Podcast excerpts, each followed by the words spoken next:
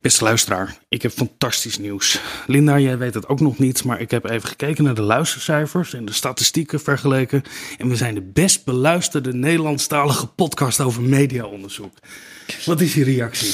Het is uh, uh, fantastisch. Het is echt ja. fantastisch nieuws, hè? Het is fantastisch en ik ben blij dat we de competitie uh, zo ver achter ons hebben gelaten. En nog beter nieuws, als je kijkt naar podcasts die langer dan zeven jaar lopen, hebben wij ook de allerbeste luistercijfers van heel de wereld die in Nederlandstalig zijn. Dus we zijn de best beluisterde Nederlandstalige podcast of de Nederlandstalige podcast over mediaonderzoek? Ja, die langer dan zeven jaar loopt. Ja, maar ook dan, ja, maar we waren al de best beluisterde. Zeker, ja. Maar ook ja. in deze categorie zijn wij de best beluisterde. Ja. Dus luisteraar, ontzettend bedankt dat jullie in zoveel getalen naar ons luisteren. En ook deze keer gaan wij natuurlijk, ja, gaan we het weer hebben over mediaonderzoek en over communicatieonderzoek en over politicologie. Want we gaan het hebben over statistiek en de manier waarop je daarvan gebruik kan maken in de journalistiek. Dit programma wordt mede mogelijk gemaakt door Amsterdam University Press. Vanuit Amsterdam is dit Onder Media Doctoren, de podcast waarin communicatiewetenschappers zich verwonderen over de media.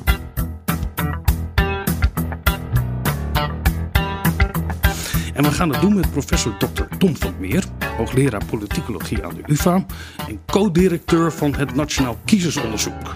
Je bent gespecialiseerd in de legitimiteit van het politieke bestel, ongelijkheid en burgerschap. Tom, ik las dat Forum voor Democratie enorm gestegen is in de peilingen en dat dat komt door de initiatief Klimaatwet en het Migratiepact. Hoe kunnen ze dat eigenlijk zo goed weten dat de peilingen verschillen door een bepaalde reden?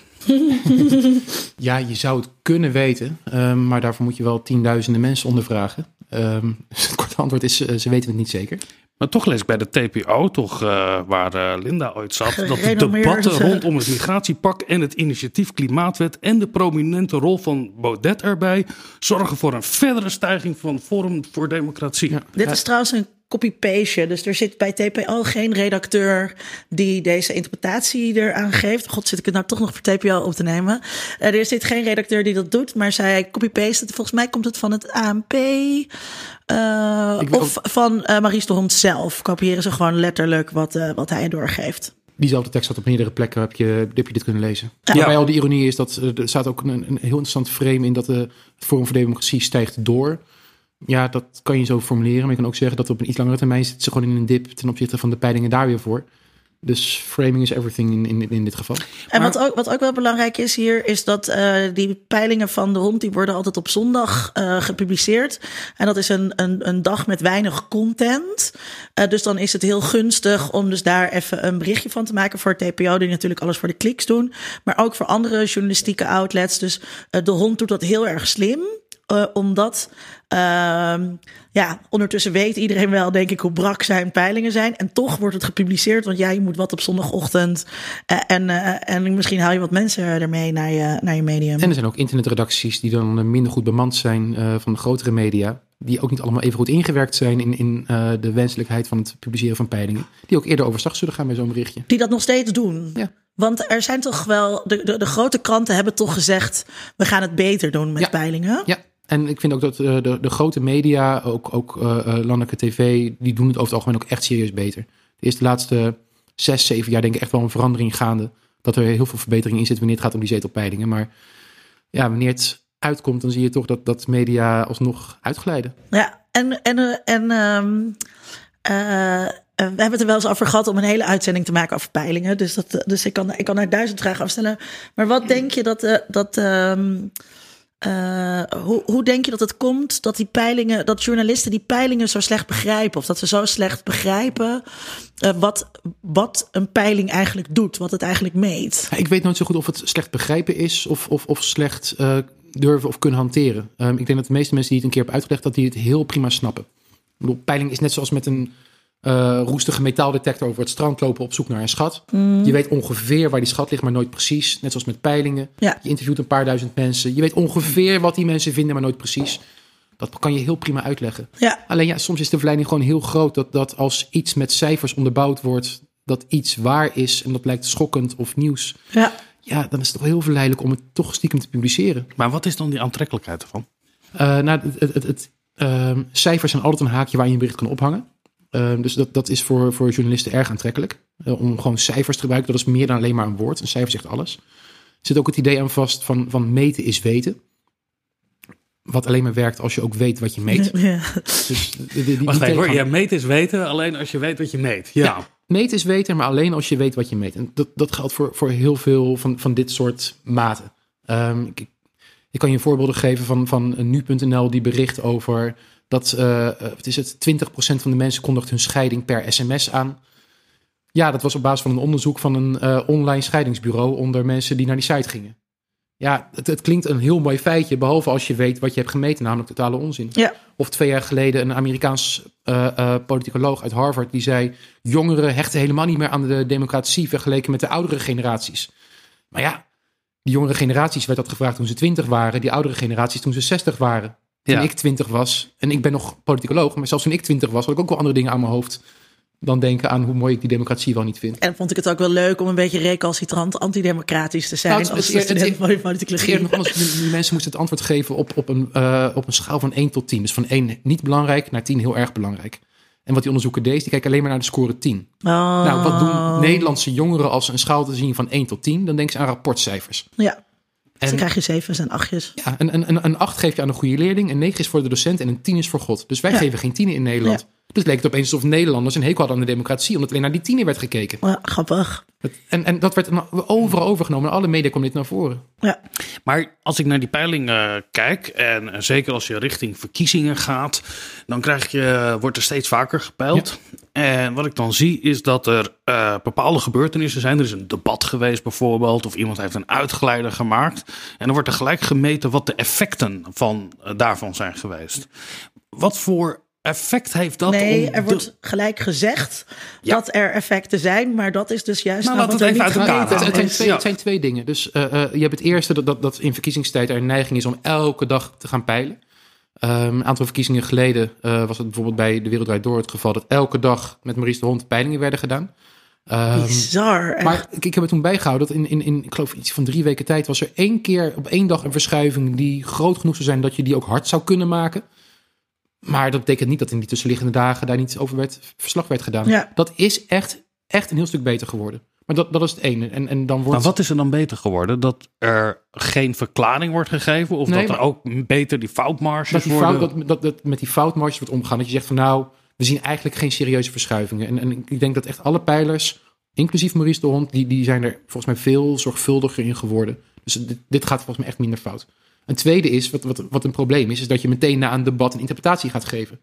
En eh, dat kan je met peilingen doen, dan komt je boodschap nog sterker aan. Of je kan het door, door Henk-Jan Smits laten gebeuren, wat ook het geval is geweest 15 jaar geleden. Die mochten de, de, de, de, de, nabeschouwing gaan doen. Ja, dat beïnvloedt mensen wel. Er was op een gegeven moment een keer in 2003, ehm, was er een onderzoek geweest. eh, direct na een verkiezingsdebat, waar Balkenende, Zalm en Marijnis en Wouter Bos aan meededen. En ehm, Gerrit Salm werd in de, een peiling direct daarna werd hij compleet afgemaakt. Zelfs onder VVD-kiezers, die zouden niks van hem, van hem moeten. Ja, en toen, dat zou uit een peiling blijken die op dat moment het veld in was. Ja, die peiling was alleen maar gedaan onder een, echt een handjevol mensen. Ja. Eh, enkele tientallen mensen die Oh, hebben echt? gereageerd. Maar ja, dat wordt dan op tv heel groot uitgemeten. Van Ja. dit is een realiteit. En ja, Philip van Praag, een collega van me, die heeft laten zien dat dat heeft ook echt gevolgen gehad voor Zalm. Die gewoon nooit meer in de race kon komen. Terwijl Wouter Bos vanaf dat moment, omdat hij op die peiling van een, paar tientallen mensen er goed uitkwam, opeens het goudhandje werd. Ik denk dat dat nog wel goed is om nog even te benadrukken dat ehm, eh, die peilingen dus daadwerkelijk effect, de interpretatie van de peilingen heeft daadwerkelijk effect op hoe mensen gaan stemmen. En ehm, dus dat maakt het extra kwalijk. Kijk, zo'n onderzoekje van eh 20% van de mensen maakt het uit eh, via, schrij- gaat scheiden via sms. Ehm, eh, dat iedereen weet. Ik denk dat de meeste lezers ook wel weten dat dat onzinnige onderzoekjes zijn. Maar het is toch aardig om te denken of zo. Maar het heeft geen eh, eh, schadelijke gevolgen voor de democratie. Of eh, het doet verder, verder niet zoveel. En dat is hierbij wel, waardoor media, denk ik, extra verantwoordelijkheid Oh ja. daarop dragen. En Ja, vind dus jij de- dat ze die nemen? Want je zegt het is beter geworden. Door, is het beter? Waarom is het beter geworden? Omdat journal- journalisten vinden dat ze die verantwoordelijkheid hebben, of omdat ze gek werden van jullie gezeik? Want jullie zijn natuurlijk wel met stuk rood vlees, met, het- met het politicologenblog, er wel echt keihard ingegaan. Juist ook echt op peilingen op Twitter, om dit ook gewoon gefixt te krijgen. Dus ik denk dat dat ook best wel misschien op jullie konto geschreven kan worden. Ja, dat zou je echt aan die pijlers zelf moeten vragen. Ik, de, de, de- ehm, er zijn verschillende dingen tegelijkertijd gebeurd. Dus er is heel veel kritiek gekomen. Wij kunnen dit gewoon, wij kunnen deze, deze resultaten gewoon zo op deze manier interpreteren. Niemand die daar wat van zegt. Maar ik, ik, eh, eh, we hebben dus inderdaad met z'n allen, we hebben met heel veel mensen hebben heel veel kritiek gegeven. En we zijn op een gegeven moment hebben we een stuk rood vlees zijn we begonnen om, om eigenlijk een soort van bypass te zijn. Om niet elke keer afhankelijk te zijn van media die ons wel of niet toelaten om onze nuanceringen te geven. Ja, Dus dat maakt het voor ons ook mogelijk om gewoon op een gegeven moment bijna op, op wekelijkse basis gewoon hard terug te duwen. Eh, daarnaast heb je iets, een, een initiatief gekregen als de nooit. peilingwijzer van Ja. Tom Lauwersen. Die liet zien hoe het ook kan. Namelijk die dingen samenvoegen en vanuit foutmarges gaan schrijven als voorbeeld. Je kreeg ook andere eh, organisaties, zoals één Vandaag bijvoorbeeld, die ook anders ging werken. De NOS ging anders werken. Dus ik, ik denk dat het een hele combinatie is die, die, die hierbij aan, die aan heeft bijgedragen. Ja. Want de peilers zijn ook beter gaan rapporteren wat hun foutmarges zijn. Daardoor. Daarom, ja, ja. Maar ze hebben ook altijd, ook Maurice de Hond, dat het de schijn van wetenschappelijkheid gehad. Hè? Van dat is een peiling wat onafhankelijk wordt gedaan. Komt het dan ook harder aan als je door je vakgenoten kritisch wordt benaderd? weet ik niet. Ehm Maurice Zie de jij Hond- Maurice Hond als Hond- vakgenoot? Nou, in ieder geval, die de wordt- bedient van dezelfde methodes. Ja, maar Maurice de Hond wordt al 40 jaar bekritiseerd. En al 40 jaar is dat niet zijn grootste zorg. Ehm, dus ik denk, denk dat dat wel meevalt. Ik denk dat, dat, dat vooral op een gegeven moment is dat, dat, dat er een, een dynamiek ontstaat. Dat als een paar pijlers meegaan, dat dan de rest ook wel moet. En als een paar media meegaan, dat de rest zich ook bijna wel gedwongen voelt. Ja. Maar nog steeds kan ik af en toe enorm geërgerd zijn wanneer om spontane redenen toch weer enorm uit de bocht wordt geschoten hoor. Je had een half jaar geleden had je hier een burgemeesterspeiling in, in, in, in Amsterdam. Onder 500 mensen. Ja. Wie moest volgens Amsterdammers de nieuwe burgemeester worden? Ja, nou, Amsterdammers hadden ja. gekozen voor Wouter Bos. Ja, Ja, en, en Femke Halsema was het toch echt niet. Die was derde geworden. Dus dat geloof ik vier mensen of vijf mensen verschil tussen. Want ja, Wouter Bos kreeg 14,1 procent en, en, en Femke Halsema 13,4 procent. ook heel weinig. Geen van ja. beiden kreeg meer dan kreeg niet eens een zevende van, van de kiezers achter maar zich. wat gebeurt er dan op het moment dat je... wat- Mag ik eerst nog wat Ja, anders eh, ja, nog ja, even tuurlijk. over, over stuk rood vlees? Want je zegt, eh, een van de redenen waarom jullie dat opgericht hebben... is eh, eh, omdat je dan een bypass hebt... en niet afhankelijk bent van wat de media... eh, van, van de media als poortwachter. Ehm, merk je ook dat... ehm, eh, want er staat heel veel statistiek op, eh, op stuk rood vlees. Eh Armen Hakverdian gaat altijd lekker los. Die zet er gewoon scatterplots bij. Terwijl weet je, alleen Armen Hakverdian houdt van scatterplots. En dat is ook een soort... dat, dat, krijg je gewoon als je een opiniestuk in NRC wil... dan krijg je er echt geen scatterplot bij. Is... ehm, eh, merkt u ook, of merk je ook als je iets voor de krant schrijft... dat je dan moeite hebt om die statistiek en die methode erin te krijgen? Ehm, nou, in het verleden zeker. Ehm, als je dan al iets beschrijvend kon zeggen, dan was het al heel wat. Ehm, als je gewoon een paar percentages mocht noemen en dat, dat mocht uitleggen. Ik denk dat het ook wel wat minder is, maar ja, ik ben inmiddels ook wel wat bekender geworden in, bij die media zelf. Dus die weten ook waarom ik schrijf wat ik schrijf. En volgens mij hebben we ook laten zien met stuk rood vlees dat je radicaal kan zijn, juist in die nuance. Ja, dat, dat je juist met cijfers echt wel heel fel en, en gewaagd en met gestrekt been die rol kan spelen. ja. Dus ik denk dat er ook wat meer tolerantie is. Je ziet het nu ook inderdaad met Sanne Blauw van de correspondent, die dat ook, ook, ook zo'n rol speelt op, op, op andere onderwerpen. Dus dat, dat, ik denk dat daar ook wel een, een veranderingetje in zit. ja.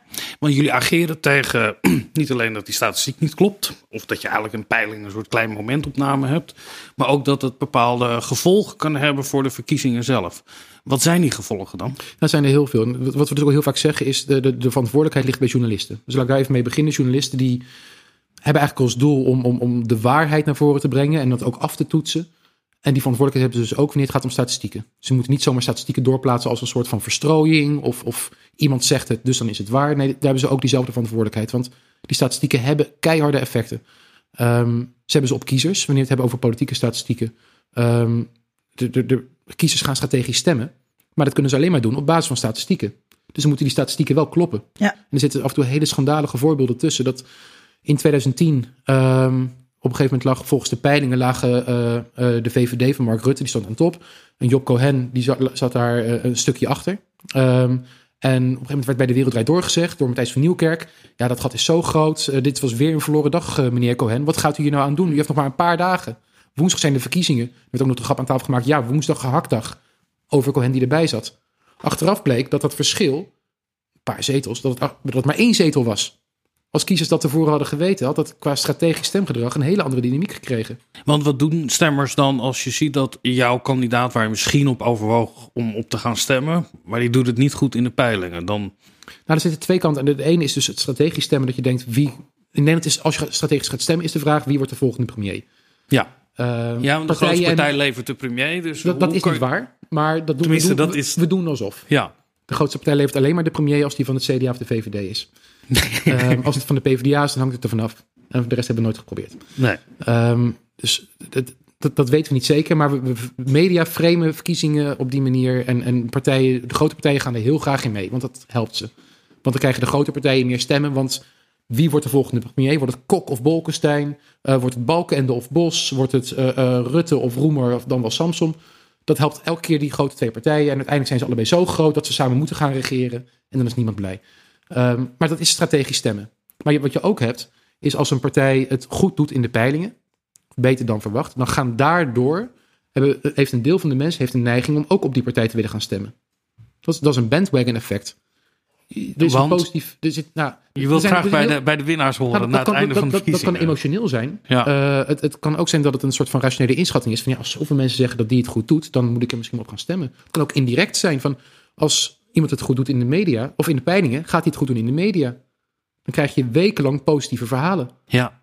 Tot, dat, tot de media een keertje omkieperen. Maar tot die tijd krijg je positieve aandacht. Dus ga je nog weer eerder mee. Ja, want je ziet vaak dat er uit een peiling blijkt dat iemand wint of verliest. In dat soort termen. En dat we dan gaan trachten te verklaren ja. waarom iemand hoger in de peiling staat. En als je wil verklaren waarom iemand hoger staat, dan ga je juist de positieve dingen benoemen. Exact. Is dat ongeveer het proces dat daar. Nou, dat, dat is waarschijnlijk. Uh, ja, dat is wat er, het, wat er het geval is. Maar zelfs zonder dat je benoemt als medium, als journalist, waarom iemand het goed doet, maar alleen benadrukt dat iemand het goed doet, leidt het altijd eerder weer eerdere winst. Ik zei net al het, forum voor, het voorbeeld van Forum voor Democratie, die weer is gegroeid of misschien weer een beetje herstellende is van het eerdere verlies. Is net hoe je het wil framen. Of gigantisch gegroeid is in de peilingen ten opzichte van vorig jaar bij de verkiezingen. Het zijn drie verschillende frames die je kan gebruiken. Dat maakt uit. Als je zegt dat de partij gegroeid is vergeleken met uh, uh, twee weken geleden, dan is dat een positief frame. Gaat de partij daardoor eerder groeien? Als je zegt het is nog steeds minder dan een, uh, twee maanden geleden, is dat slecht frame. Gaat de partij weer zakken. Dus Weet, die keuze voor een referentiepunt maakt ook alweer uit. Weet je of journalisten zich daar bewust van zijn? Um, ik denk dat er een heleboel zich daar bewust van zijn. Uh, maar op zijn minst dat ze zich daarvan bewust kunnen zijn. En dus ook moeten zijn. Dus eigenlijk vind ik het bijna een irrelevante vraag of ze het ook echt weten, want ze kunnen het weten. Ja. Als je het kan weten, moet je het weten. En zal je voor um, uh, regels zijn? Uh, want ik weet dat er wel leidraden zijn van zo rapporteer je over peiling als het inderdaad gaat over foutmarges en zo. Je zou bijvoorbeeld ook kunnen zeggen. Uh, uh, je moet altijd uh, niet alleen deze week weergeven, maar ook vorige maand en ook de stand sinds de vorige verkiezingen, zeg maar, om dit soort frames mm -hmm. inderdaad onmogelijk te maken. Zou je daarvoor zijn, voor een soort journalistieke code? Ik denk dat er gewoon huisregels van redacties moeten komen, maar precies daarom. Um, als je wilt duidelijk maken dat iets nieuws is, dan moet je ook echt hard kunnen maken dat het nieuws is. Dat er daadwerkelijk iets nieuws ja. gaande is. En dan ook dat die cijfers kloppen. Dat, we richten ons natuurlijk nu heel erg op die foutmarges. Dat is maar één deel van, van een heel groot probleem wanneer het gaat om peilingen en het ja. gebruik ervan. Maar ja, ik, ik ben heel erg voor regels, maar niet voor bindende regels die we uniform over alle journalisten uitspreiden. Nee, ik denk ook niet dat dat de taak is van, uh, van een politicoloog om dat op te geven. Nou ja, er, zijn, er zijn ook wel, elke paar jaar komt er weer een debat of peilingen überhaupt uh, verboden zouden moeten worden rond ja, verkiezingstijd. Wat ik ook wel, wat ik ook wel interessant vind. Uh, jij zei net, um, bij journalisten draait het om waarheid of om waarheidsvinding. Maar dat is natuurlijk niet waar. Bij journalisten draait het om nieuws maken. En als ik uh, workshops geef over populair schrijven en opinierend schrijven, uh, dan uh, aan, aan academici doe ik, bijvoorbeeld aan geesteswetenschappers van de UvA, in een promotietraject. En um, dan moet ik dat dus uitleggen dat dat dus eh, dat dat niet zo werkt. En dat het dus heel frustrerend kan zijn. Zeker als je als beginnend wetenschapper met uh, journalisten gaat praten. Dat ze helemaal niet geïnteresseerd zijn in hoe het zit. Maar uh, heb je een leuk verhaal? Nou ja, aflevering ja. 1 die wij maakten over de deskundigen in de media. 81 uitzendingen geleden, ja. 81 uitzendingen geleden gaat daar heel erg over. Uh, uh, niet een deskundige, maar een betrokkene bij het nieuws. Weet je wel? Dat, um... Nou ja, of fair and balance, dat je gevraagd wordt om een bepaalde mening te hebben. En als je blijkt een andere mening te hebben, dan ben je dus niet interessant om aan het woord te komen. Hè? Dus ja. dat je daar een, een, een, tegenstelling hebt. Ik wil nog even terug over die parlementaire journalistiek. Wat mij opvalt is dat parlementaire journalistiek bericht altijd over de processen van winnen en verliezen. Als een soort voetbalcommentatoren. Uh, dan is het wel handig als je er een puntentelling bij hebt. Wat ik eigenlijk aan je wil vragen is: wat is het? Of het is een soort kip-en-ei verhaal. Is het zo dat we graag er een wedstrijd in willen zien? En dan kan die peiling en de statistiek die we daarbij hebben goed functioneren? Of zijn die parlementaire, die statistiek maakte dat wij die parlementaire, dat die parlementaire journalistiek heel erg bericht alsof het een wedstrijd is. Ja, het is en-en. Um, het is inderdaad een kip en een ei en het is geen debat. Het, het, het, het versterkt elkaar. Ja. Um, die, die, die peilingen die geven een schijnrealiteit aan. Um, die, die, waar ergens achter ook wel een, een, echte realiteit achter zit. Maar in principe een schijnrealiteit. En dan een zeteltje meer of, of net minder. Dat kan dan van alles betekenen. Als, als Forum voor Democratie op een gegeven moment net iets groter is dan, dan de PVV volgens een peiling in de realiteit weet je nog steeds niet hoe die verhoudingen zitten. Maar dan lijkt het nieuws en dan kan je dat lekker groot maken ja. en weer invullen. Uh, dus ja, dat, dat speelt een rol. Ik vind, vind jij het lekker, wij... Vincent? Hou, hou, jij van dat sportelement in de parlementaire dat, Nee, ik vind het buitengewoon ergerlijk. En wat ik het allerergerlijkste vind, is dan zijn er verkiezingen geweest. En dan blijken die peilingen niet te kloppen. En dan wordt het verklaard met, die kandidaat heeft op het einde nog een enorme eindspurt gemaakt. Ja, maar, dan klopt het altijd natuurlijk. Maar, maar, maar je zegt, ik erger me daar enorm aan. Maar ja. de meeste kiezers houden ook niet van, van, van dit type journalistiek. Maar we lezen het massaal. Ja. Le lees, je, ja. lees je die peilingen, volg je die peilingen, klik je op die peilingen. Ja, ik, daar gaat het om. Nou ja, ik snap wel dat ik onderdeel van het probleem ben zolang ik erop blijf klikken en ik het niet volledig negeer. Maar ik ben natuurlijk ook gewoon mediadeskundige, dus moet daar uit beroepsinteresse naar dat kijken over hoe daar over bericht wordt. professioneel. Dat, dat, ik doe het dus niet. Ik, ik vind het echt verschrikkelijk. Dus die horse race uh, uh, benadering die, daar, die daarin zit. Ik, ik vind sowieso de parlementaire pers ontzettend uh, slecht. Ja. dus veel te gefocust op de poppetjes ook nog eens een keertje. En te weinig op... Um, uh, um, ik zou veel vaker willen weten als er een stemming is geweest, welke partijen hebben voor en tegen gestemd en wat voor analyse zit erachter. Mm -hmm. En uh, dat mensen daarmee geconfronteerd worden. Dus met wat, ja. dat, wat, wat, met wat daadwerkelijk uh, gebeurt in de Kamer. Niet dat constant op de zaak vooruit lopen one-liners. Uh, Buma bij Buitenhof. Oh, oh, oh, überhaupt Buma. Um, maar dus, maar zit... ik doe het dus niet. Dus ik klik er niet op. Ik lees het niet. En dat moet jij dus eigenlijk ook Uh, uh, want, want elke week is het hetzelfde. Uit mediawetenschappelijk oogpunt hoef je ze niet allemaal te bekijken. Nee, ik bekijk ze ook niet, zeker niet allemaal. Het valt me altijd op dat Maurice de Hond altijd een buitengewoon lelijk Excel-plaatje heeft. Waar die ze peilingen mee laat zien. Dan vraag ik me af, is dat nou om te laten zien dat het een beetje wetenschap is of zo? Dat het vooral niet mooi mag zijn? Um, heb je een verkeerd beeld van de wetenschap. maar nee, ik vind de, de, maar je ziet het nu ook over internationale politiek of Amerikaanse of nu wat er gebeurt in Groot-Brittannië. Dat het mm -hmm. heel erg over dat verhaal over blijft zij overeind of niet? Kan zij de aanval afslaan? Constant te speculeren, uh, inderdaad. Ja, nou, en, tot en, de realiteit is, maar dan is dat oud nieuws. Ja. De werkelijkheid is eigenlijk al oud, want het gaat om de speculatie ja. vooraf. Dat, dat, dat is misschien een aparte aflevering. Maar tegelijkertijd, je ziet ook in heel veel podcasts. Ik, ik vind dat er momenteel een hoop goede podcasts zijn uh, rond de politiek die dat wel degelijk proberen te ontspinnen, ook vanuit die journalistieke redacties. Maar Omdat journalisten dat misschien zelf ook anders willen. Dat, dat zou heel goed kunnen. Ja. Nou, ik zag zowel een Britse uh, een, uh, parlementair verslaggever als iemand in Nederland die, de, die, die zeiden: We hebben geen idee wat er nu gaat gebeuren. En dat vond ik buitengewoon verfrissend, want dat is eerlijke verslaglegging. We hebben geen idee wat het is. We weten niet als het in stemming komt, hoe het eruit komt, als het niet in stemming komt.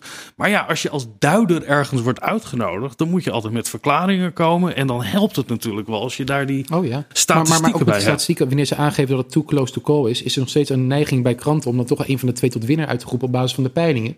En achteraf te zeggen dat de peilingen ernaast zaten. We, we hebben het al heel vaak gehad dat peilingen zeggen: too close to call, hier kunnen we geen uitspraak over doen.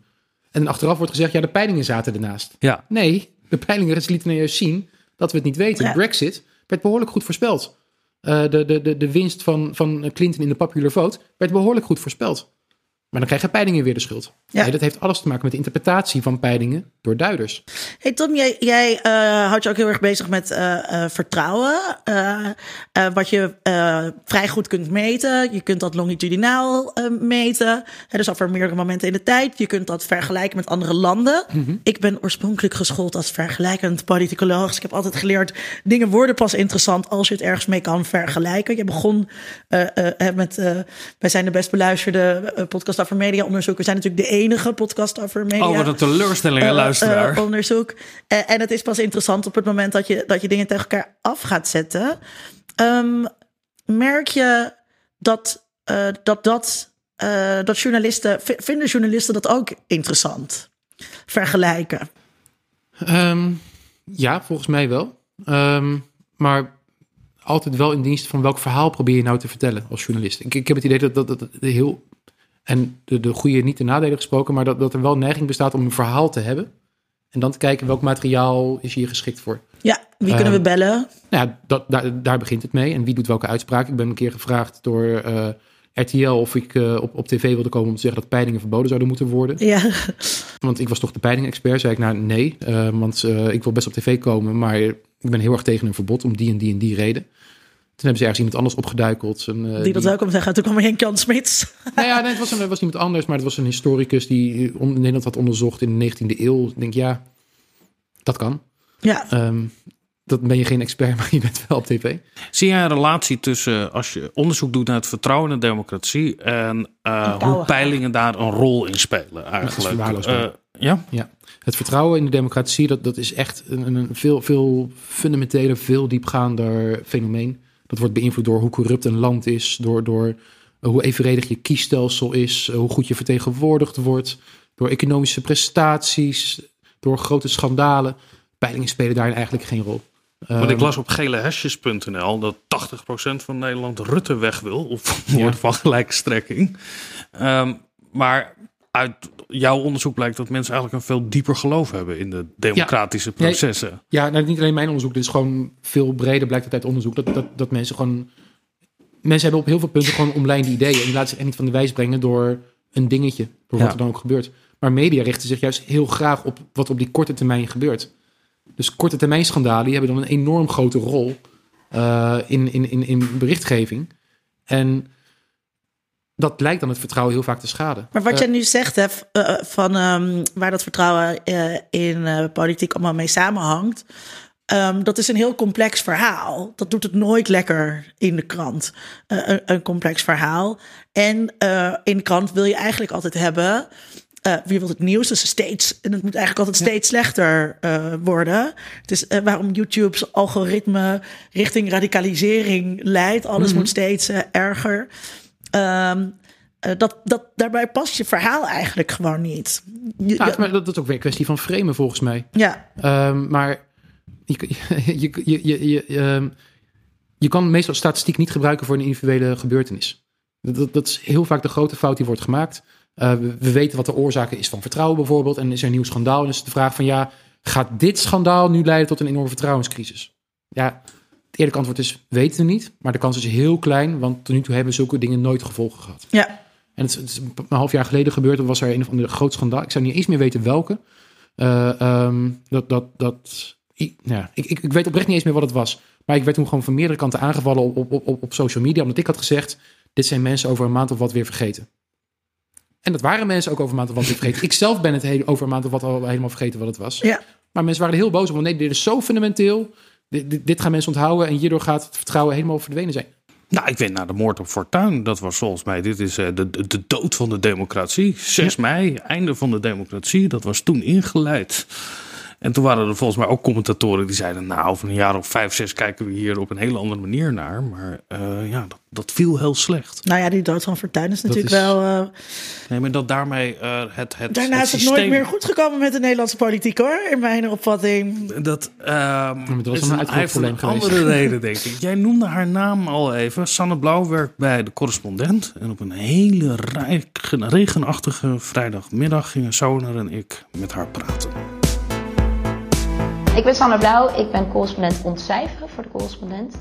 En ik schrijf over cijfers, omdat cijfers eigenlijk overal zijn. Dus of het nou de CITO-toets is, of de, peilingen bij de verkiezingen, of medische wetenschap waar je over leest in de krant. Het is overal. En daarom zie ik als journalist een belangrijke taak om een beetje die cijfers van context te voorzien. En ook te zeggen van, hé, hey, die cijfers deugen niet altijd. En mensen te helpen om dat, uh, dat een beetje te herkennen. Nou, als je een cijfer hebt, dan is het, is het objectief, is vaak het idee. Dus uh, als je er een cijfer op kan plakken, dan is het waar. Nou, kan je vertellen, daar ben ik het uh, volstrekt mee oneens. Want sowieso kun je ook uh, op heel, heel, veel, met heel veel verkeerde statistische methoden tot een cijfer komen. Dat cijfer is niet per se waar. En daarbij zitten er vaak achter cijfers allerlei keuzes, waardoor ze niet per se objectief zijn. Um, dus ik denk dat dat de eerste reden is. Dat de, de veronderstelling van, nou dan is het objectief, dus dan weten we hoe het zit. Uh, en de tweede is dat cijfers gewoon, uh, cijfers doen het heel goed in de krantenkop. Dus als je zegt uh, vier op de vijf Nederlanders vindt puntje puntje. Nou, dat kan je zo in de krantenkop samenvatten. en dat is natuurlijk lekker, want dat verkoopt goed. En dan kunnen mensen mee vervolgens naar de koffieautomaat om te zeggen, nou, nou, nou, zag je vier op de vijf? Het is heel handig, want je kan cijfers gebruiken zonder dat je ook maar iets van de inhoud weet. Dus ik denk dat dat ook wel aantrekkelijk is dan voor de journalistiek, ook juist om in een kop bijvoorbeeld een cijfer te gebruiken.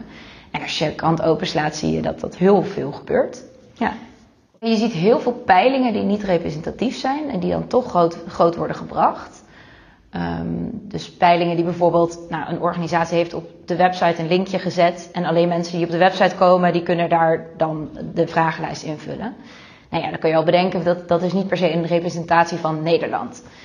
In andere gevallen zie je dat er misschien wel er echt is geprobeerd om een goede afspiegeling te krijgen van Nederland, maar dat vervolgens maar 10% van de mensen reageert. Nou, dan heb je ook weer allerlei redenen om te twijfelen of dat nou wel echt voor Nederland staat. Uh, dus met peilingen gaat een hoop mis.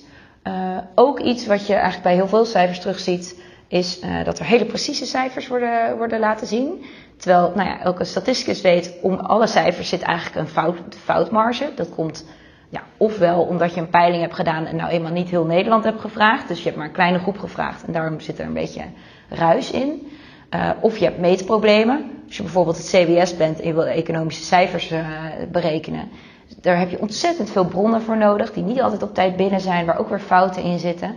Dus om heel veel cijfers zit eigenlijk een ruis. Uh, maar dat, eigenlijk zie je in, in het nieuws vaak alleen maar hele precieze cijfers. een derde fout die vaak wordt gemaakt is eigenlijk door elkaar halen van correlatie en causaliteit. Dus je kent het wel, weet je wel. Dan lees je weer, als je maar biovoeding eet, dan heb je een kwart minder kans op kanker. Nou, oeh, weet je. Maar ja, als je dan bedenkt dat mensen die biovoeding eten, die biologisch eten, eten, zijn vaak ook anders dan degenen die dat niet doen. Dus uh, ze eten sowieso minder vlees, drinken minder alcohol, zijn vaak wat welvarender, want biologisch eten is ook duurder. Dus je ziet dat vaak net wat rijkere mensen het ook kopen.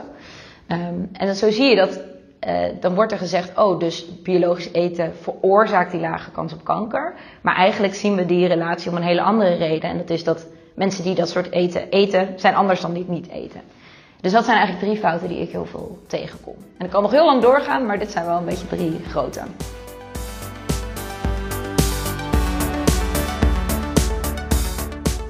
Tom, Um, Sanne die zegt dat het zo fijn is in de journalistiek dat cijfers overkomen als objectief. Mm -hmm. uh, maar laat natuurlijk ook zien uh, de vertekeningen die daarin zitten. Um, ik kwam een berichtje tegen op Geen Stijl waarin staat criminaliteitscijfers spreken weer eens voor zich. Waarin verwezen wordt naar uh, het CBS. Um, dan is het toch gewoon objectief vastgesteld als daaruit blijkt dat bepaalde bevolkingsgroepen misschien oververtegenwoordigd zijn in de criminaliteitscijfers. De cijfers spreken nooit voor zich. Dat is nou juist het hele probleem volgens mij waar het vandaag ja. over gaat. Is dat cijfers, dat een cijfer zegt op zichzelf niks. Sorry, Tom.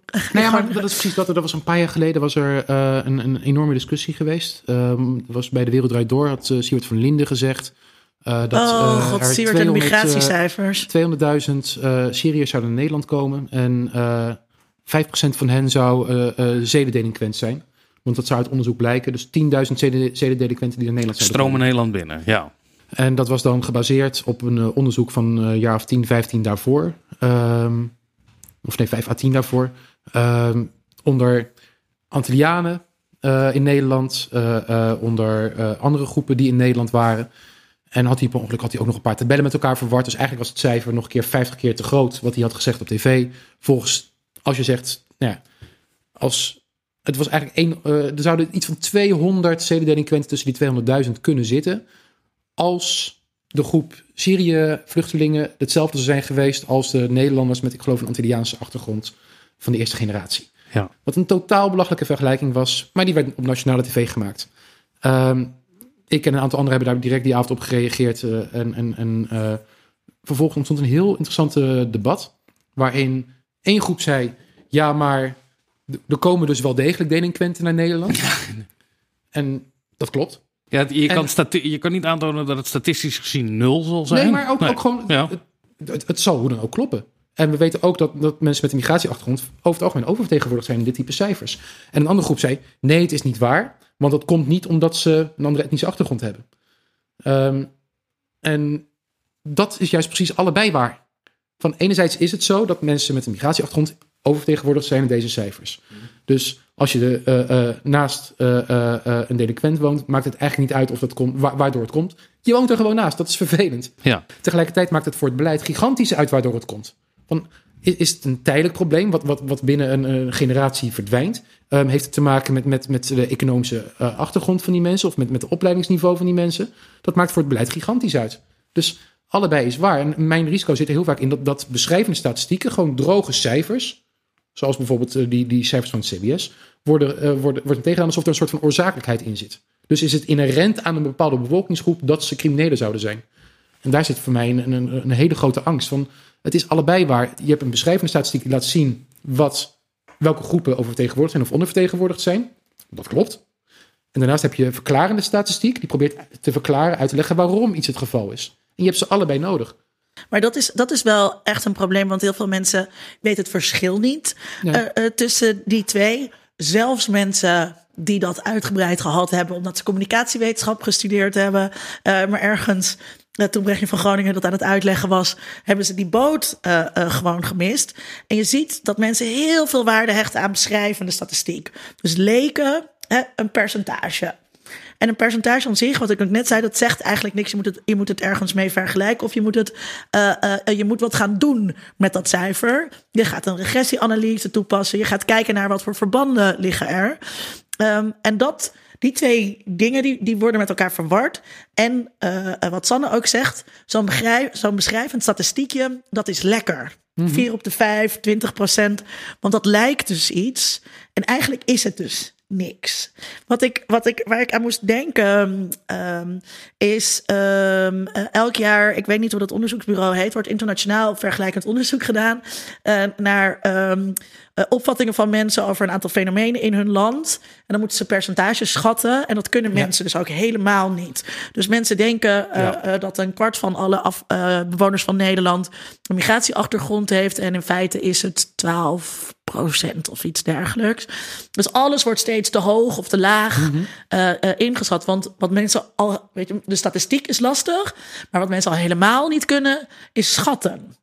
Schatten is nog weer eh Ja, maar misschien moeilijker. kunnen, ze, misschien kunnen ze best goed schatten, maar komt, het, komt de vertekening vanuit de media? dat, dat ze, dat ze daar dat idee vandaan hebben. Ja. Ja.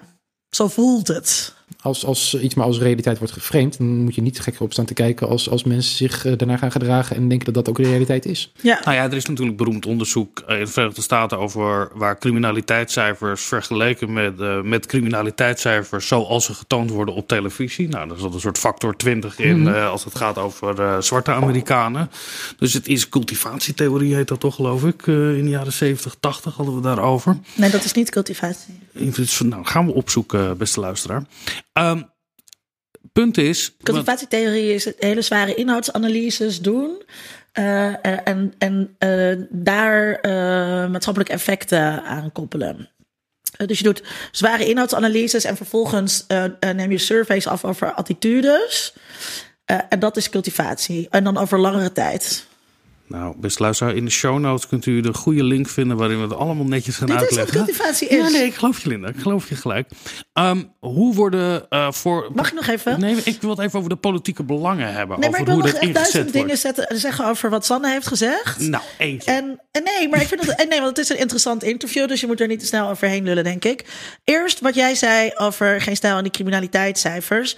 Ehm, geen stijl eh, heeft er natuurlijk een handje van dat op het moment dat er statistieken zijn die onderbouwen wat, zij, wat hun boodschap is, dan eh, is het keihard en is het heel belangrijk dat het keihard is.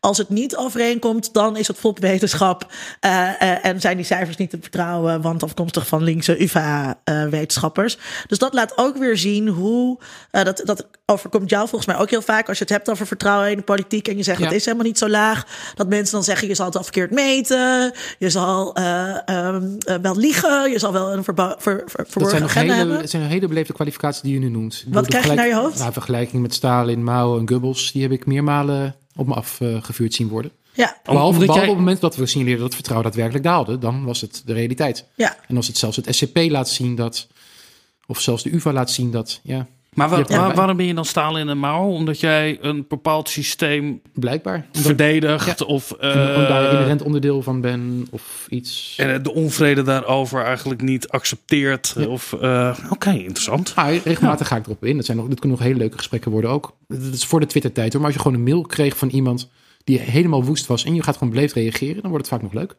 En vind je dat ook je taak om dat te doen? Nou, inmiddels worden de, eh, de verzoeken eh, zijn inmiddels wat, wat eh, meer dan vroeger. Ja, Maar vroeger, ja, als, als ik de kans kreeg. je kan niet iedereen zag, het was, het was echt genieten. Dat is ook op een gegeven moment. Het was nog in de tijd dat nu jij in de eerste versie er bestond van nu.nl. En dan zag je op een gegeven moment zag je mensen boos worden. En je zag één persoon, die zag je steeds boos worden. En op een gegeven moment in de derde, vierde tweet of bericht eh, zei hij. En nu ga ik ze mailen. Dus ik zat te wachten. En een uurtje later kreeg ik inderdaad een mailtje in mijn inbox. Eh, dus ik reageer heel beleefd. Hij reageert weer naar mij. Oh ja, sorry. Nu snap ik u pas. En die stomme media, die verdraaien ook alles. Terwijl media het allemaal heel netjes hadden opgeschreven. Ja. Eh, dus ik reageer. Nou, heel erg bedankt voor het begrip. En eh, ik zou het fijn vinden als je nu ook op nu jij nog even reageert. Ja, nee, dat gebeurt dan niet ook op nu meer. jij niks meer gehoord. Ja, ik vond ehm, eh, iets anders wat ik, ehm, wat ik wou zeggen naar aanleiding van het interview met Sanne Blauw. Ehm, het is heel erg moeilijk om studies te lezen. Ehm, dus ik eh, schrijf op mijn eigen blog eh, ook regelmatig over eh, onderzoek. En je moet heel zorgvuldig zijn. Heel erg zorgvuldig zijn in weergeven wat er nou precies onderzocht is. wat je nou precies kunt claimen. Hè? Vier op de vijf Nederlanders. ehm, nou ja, noem eens wat. Ik kan nu even niks verzinnen. Daar is mijn hoofd nu naar. is het driekwart van de mannen die het niet onder een vrouw wil werken? Ja, precies. Zoiets. En je, je moet heel goed kijken naar welke vraag is er nou precies eh, gesteld. Hoe is dat eh, gemeten? Is het een samengesteld? eh, is het een schaal samengesteld op verschillende items? Hoe zitten die items in elkaar? Dat betekent dat je dat heel goed moet lezen. En op het moment dat je er dan zelf over gaat schrijven, dan wordt het al snel heel saai. Om, om, om resultaten weer te geven. En ik wil dan ook wel een lekker, lekkere kop erboven. Dus dan val je zelf ook, als je heel zorgvuldig bezig bent, val je snel ook al in de valkuil om het net even te kort eh, door de bocht te zetten. Heb je dat niet ook als je, als je schrijft voor, ehm, voor een stuk rood vlees? Ja, nee, dat risico dat bestaat. Eh, Ja. Dat bestaat stevast. En, en het voordeel van, een, eh, van wetenschap is dat je jezelf kan corrigeren of kan laten corrigeren. Ehm, en ja, het- in, in de media ben je vaak wat stelliger dan het onderzoek suggereert. Alleen het is al heel erg van belang om in ieder geval de onzekerheid mee te nemen in wat je ook zegt. Ja. Maar dat, dat af en toe een slippertje is, of dat soms net even een, een bochtje iets te veel wordt afgesneden, dat, dat, dat, dat is nog tot daaraan toe. Maar als het een structureel probleem is, of als het echt om fundamentele zaken gaat, dan is het een ander verhaal. Ja. Ehm, er was eh, een paar jaar geleden, toen Thierry Baudet nog geen eh, partij had, maar, maar een beweging was, had hij een rechtszaak begonnen dat er meer stembureaus open zouden moeten in Nederland. En dan had hij eh, in, in die rechtszaak, wat ook in media heel veel aandacht kreeg, had hij vier studies genoemd. Dan ga je ervan uit dat media, journalisten, dat, dat ze die studies even bekijken. Ja. Of dat de rechter dat doet. Ja. Maar dat hadden ze blijkbaar niet gedaan, want ik wel. Die, van die vier studies was er eentje die zei van stembureaus, de hoeveelheid ervan heeft geen enkele invloed op de opkomst. Tegen Baudet's stelling in. Hij Eh, voerde de studie aan eh, als bewijs. Oh, dat is interessant. Ja, Ja. terwijl het er tegen, tegenovergestelde Er was er één meta-analyse zat ertussen. Eentje die, die ging over eh eh, eh, internetstem, wat dus ook helemaal niks met het onderwerp te maken had. En er was er eentje die vond wel een effect. Alleen, dat was in Amerika. Ja. En in Amerika is, is de vraag niet, hebben we eh tien stembureaus of, of, of, of twaalf stembureaus in onze hele kleine dorpskern? Nee, daar is de vraag. In een, in een stadje van, van 25.000 inwoners, dat uitgestrekt is over 30 vierkante kilometer, hebben we daar überhaupt een stembureau? Ja, of geen, ja. Dus dan zijn de afstanden nogal groter. En in Amerika heb je natuurlijk ook echt eh, dwarsbomen, zeg maar, of het proberen uit te sluiten van Ja. zwarte kiezers en, Exact. en te maar dat zorgen dat dus allemaal doorheen. gebeurt. Ja. Maar dat werd dan één op één vertaald naar Nederland. Nou, als je gewoon even gaat zitten, dat, dat kost maar een kwartiertje en je rekent het even Ja. door. Dan zou het, als je dat argument serieus had genomen, zou het betekenen dat in Nederland, als, als alle stembureaus bij het referendum open zouden zijn geweest, die anders bij verkiezingen open zouden zijn geweest, dan zou een half procent van de mensen meer zijn gaan stemmen. ja. Wat, Dat, ehm, dat, dat zegt niet zoveel. Dat, dat, dat kan je gewoon ontspinnen, maar dat gebeurt niet. Of David van Rijbroek was een, een, een, een, een Vlaams publicist. Die kwam een paar jaar geleden met het idee... we gaan voortaan eh, verkiezingsloterijen organiseren. Ja. Dus we gaan niet meer stemmen, we moeten lotingen organiseren. Ja. Hoe moeilijk is het om als journalist gewoon dit even statistisch door te rekenen? Oké, we gaan loten. Stel je voor, we gaan alle vertegenwoordigende functies van Nederland gooien op één hoop. En dan gaan we rekenen. Hoe groot is dan de kans dat je in je hele leven ooit een keer wordt ingelood? Dat je een keer eh, in de gemeenteraad zit of in de Tweede Kamer of waar dan ook. Nou, die, kans, die kans is kleiner dan, dan, dan het tiende van een procent. Ja. Dus de rest van die mensen die heeft zijn hele leven lang niks met die politiek te maken. Dat is heel simpel gewoon door te rekenen. Ja. Of, of je kan ook doorrekenen hoe groot moet een Eerste Kamer zijn of een Tweede Kamer zijn. Wil die een afspiegeling zijn van de bevolking? Dat zijn harde statistische regels. We hebben een Tweede Kamer nodig van 1500 mensen. Als je weet op welke criteria je een afspiegeling wil zijn. Want dat is ook nog maar de vraag. Ja, maar dan 1500 mensen op zijn minst. Ga daar maar eens lekker mee debatteren. Het, het, dat- dat is gewoon, ja, op zijn minst onkunde, maar mogelijk zelfs onwil om, om een leuk verhaal kapot te checken. Want het klinkt zo lekker. Ja, via loting, oh, wat mooi. Dan heb je een echte afspiegeling. Ja. Maar ik, ik denk dus ehm, dat het een, een mengeling is van onkunde en onwil bij individuele journalisten. Naar mijn ervaring, eh, sorry Frederik, eh, redacteur die journalist wil worden. Journalisten zijn vaak lui of, en, en hebben ook te maken met eh, tijd en geldgebrek. Ehm, dus die willen de makkelijke weg. Vervolgens ook druk van boven. Hè? Ideeën over wat voor stukken wel of niet het, het goed doen. Dus zelfs als je als individuele journalist, journalist het heel goed wil doen. Er verstand van hebt, goed hebt opgelet tijdens je studie politicologie of communicatiewetenschap. Je begrijpt die statistiek. Dat je dan alsnog van boven eh, teruggefloten wordt. Je hebt een koppenmaker die er iets anders boven zet dan, dan wat jij doet. Dus er zijn gewoon allerlei factoren die samenwerken. Waarmee denk hebben ik de, goede statistiek steeds het onderspit delft. Ja, en we hebben natuurlijk ook bij communicatieafdelingen van onderzoeksinstituten zoals universiteiten, die ook graag de nuance enigszins naar achter drukken om toch met een interessante bevinding uit onderzoek te laten Ja, mooi, Dus- mooi onderzoek van Jonica Smeets en eh, Jan-Peter Burger over eh, ronkende persberichten en waar dat nou precies daardoor aan ligt. En ik heb daar toen, ben daar toen, zij dat, toen het onderzoek uitkwam zelf verder ingedoken. En het begint eigenlijk bij de wetenschapper zelf die eh, in hun resultaten heel genuanceerd zijn. Dan in hun conclusie gaat die nuance al een klein beetje weg. In het abstract, eh, eh, want abstracts worden vaak niet meegenomen in de peer review. Dan, hè, en je hebt natuurlijk allerlei prikkels om jouw resultaten ook een beetje aan te zetten. Net als dat ik de koppen op dieponderzoek.nl op mijn blog een beetje dik aanzet. Vervolgens eh, wordt, schrijft de wetenschapper samen met de communicatieafdeling een persbericht. Nou, dan gaat het nog eens een keertje en dan gaat een journalist er overheen en dan zie je dus waar het fout gaat. Ja, en dan is er vaak nog een stap. Want de onderzoeker wordt dan geïnterviewd door de, journalist, die dan ineens zonder nuance gaat uitleggen.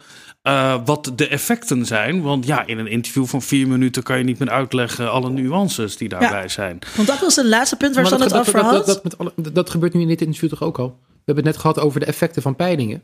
Nou, ik heb er twee genoemd en toen waren we alweer door naar het volgende onderwerp. En er zijn er veel meer. Ja. Ik heb niet eens kunnen zeggen hoe groot of klein de effecten zijn.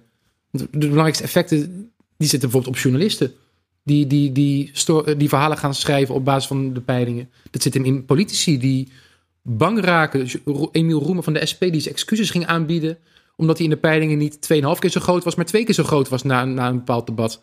Ja, dat zijn ook effecten. Maar die dynamiek hebben wij ook hier. Dus dat, dat, dat is, zit inherent. Dat, dat is bijna inherent aan het hele proces. Ja. Ja, zelfs terwijl we hier de tijd hebben. Exact. Ehm, hè, we hebben hier ruim een uur de tijd om hierover te hebben. Maar zelfs daar, ja, ik, ik kan me dat van Emiel Roemer. Dat je je moet verantwoorden voor de peilingen. En niet voor de uitkomst van de verkiezingen. Maar dan, dat is weer een zijpaadje hoor, sorry. Maar Dat mag. je ziet heel vaak zie je journalisten die, die niet genoeg eh, munitie hebben voor een leuk interview. Zie je gewoon openen met, u doet het slecht in de peilingen. Wat gaat u daaraan doen? Dat is de meest luie vorm van journalistiek die mogelijk is. Want dat is en op basis van, van peilingen die, die enorme marges kennen. En, en het is puur horse race journalistiek. Ja. Wat veel interessanter is, is als je politiek en democratie als waardestrijd beschouwt. Ja, begin daar eens mee. Maar je moet eigenlijk als politicus dan die vraag om, omkeren en zeggen: ja, ik doe het uh, slecht in de peilingen. Uh, uh, wel, wat, welk deel daarvan komt op uw konto?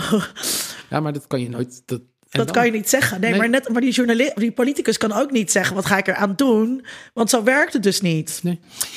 Statistiek over in, in, in een parlementaire journalistiek en in de politiek. Zijn er ook andere domeinen. Ik denk bijvoorbeeld aan financieel-economische processen. Als je maar hard genoeg tegen elkaar laat zien: het gaat slecht met Nederland. Nederland geeft geen geld meer uit. Uh, of dat nou blijkt echt uit, of, of, of de statistiek dan klopt of niet. Kan dat dan niet ook een soort self-fulfilling prophecy worden? Ja, dat idee van een self-fulfilling prophecy, dat zit niet alleen maar in de politiek. Dat zie je op heel veel gebieden. Uh, zeker op, op die gebieden waar publieke opinie vormbaar is. Uh, dan zie je die effecten. Er is dit jaar onderzoek verschenen bij, bij communicatiewetenschappen in, in Amsterdam. Dat laat zien dat, dat berichtgeving over de economie inderdaad reële gevolgen heeft.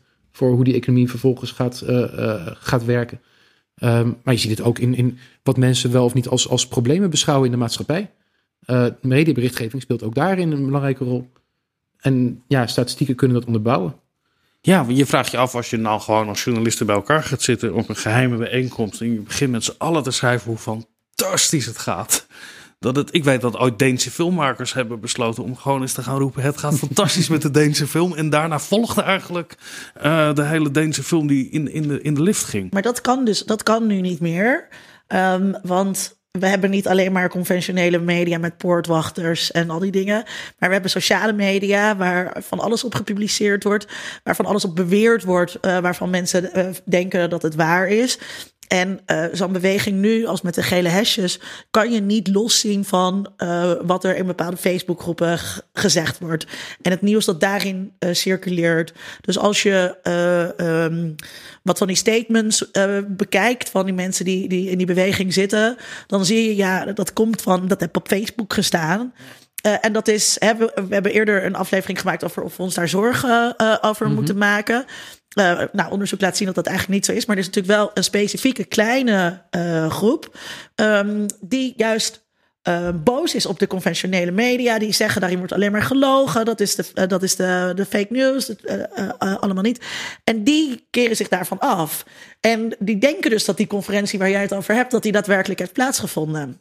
En dat zijn ook mensen die je no way met statistiek op andere gedachten kunt brengen. Nou, dat is toch raar. Um, ik, ik, ik vind die gele hesjes discussie vind ik zwaar overdreven overigens. Die, ik vind dat de groep veel te veel aandacht krijgt gegeven hoe reëel het momenteel is in, in, in Nederland. Uh, nou, ja, ik heb het ook over, over, Frankrijk maar, natuurlijk, waar ze nee, de okay, lopen. Maar, maar ik, ik, ik, denk veel eerder aan, aan, aan de, de, de antivaxgroep, die ik ook hiermee niet gelijk wil stellen aan de gele hesjes.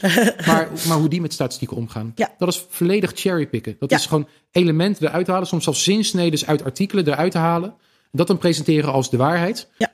Daarbij de grote lijnen, de grote uh, uh, uh, meta-analyses bijna, die, die er ook zijn over statistieken, die negerend. Ja, ik heb een, een vriend van mij laag opgeleid en antivaxer. En, en het is heel interessant voor mij om te zien zeg maar, hoe hij redeneert. En het is echt um, wat pseudowetenschap is. Ik wist eerst niet zo goed wat, wat met pseudowetenschap bedoeld werd, totdat ik dus met hem over dingen had. En dan zegt hij soms: Ja, maar Linda, jij weet ook niet alles.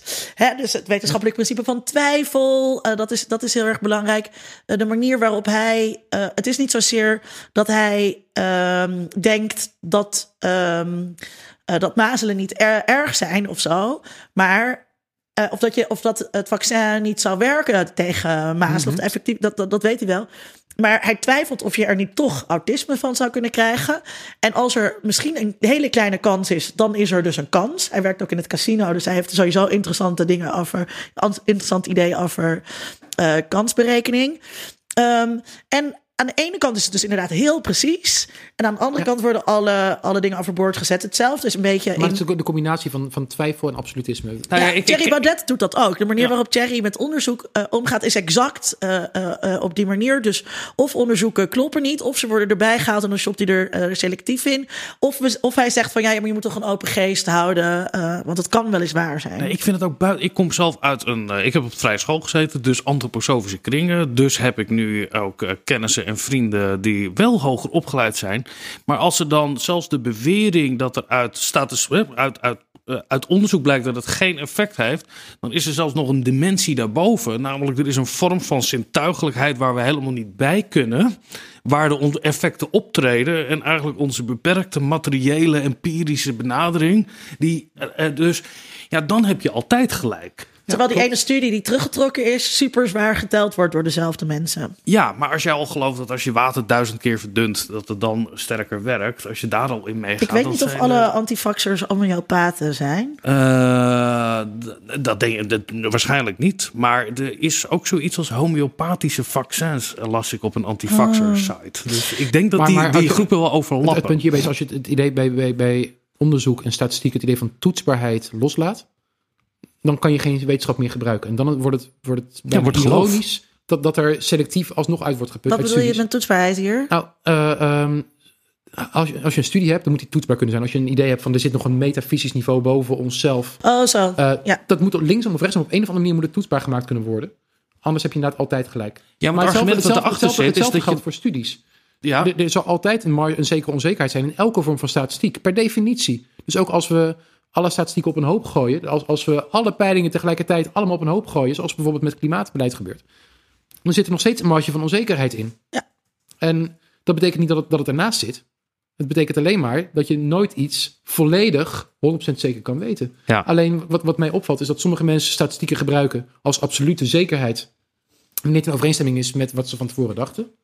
En op, op andere gebieden altijd zeggen, ja. maar dat is onzeker of dat is niet juist. Of, Denk je dat, het, het- dat wetenschappelijke consensus betekent niet dat het niet een of andere gek te vinden is die ook in dat vakgebied zit, die zegt het klopt allemaal niet. Of die in een ander Eh, vakgebied zit, ja, maar, wel maar nog, een slag, nog een is. slag dieper. Eh, wetenschappelijke consensus betekent ook niet dat die consensus gelijk heeft. Helemaal mee eens. Maar dat, dat eh, ehm, ver, ver- verlost jou niet van, van de eis om dan na te gaan waar die fout zit. Je kan niet zomaar zeggen van ja, zeker kan je nooit zijn, dus laten we dan maar niks doen. Ja. Nou, tot, als je die argumenten maar tot die tijd ga je ik mijn kinderen niet inenten. Dat is dan het tegenargument. Ja, maar goed, Ja. dat kan je dus dan even volhouden. Ik wil het eh, hebben over de, de, de. We hebben het over statistiek gehad en over in de, hoe het in de journalistiek kunnen we dat lezen in de statische vorm. Maar er zijn ook ontwikkelingen over hoe dat online op een dynamische manier gebeurt.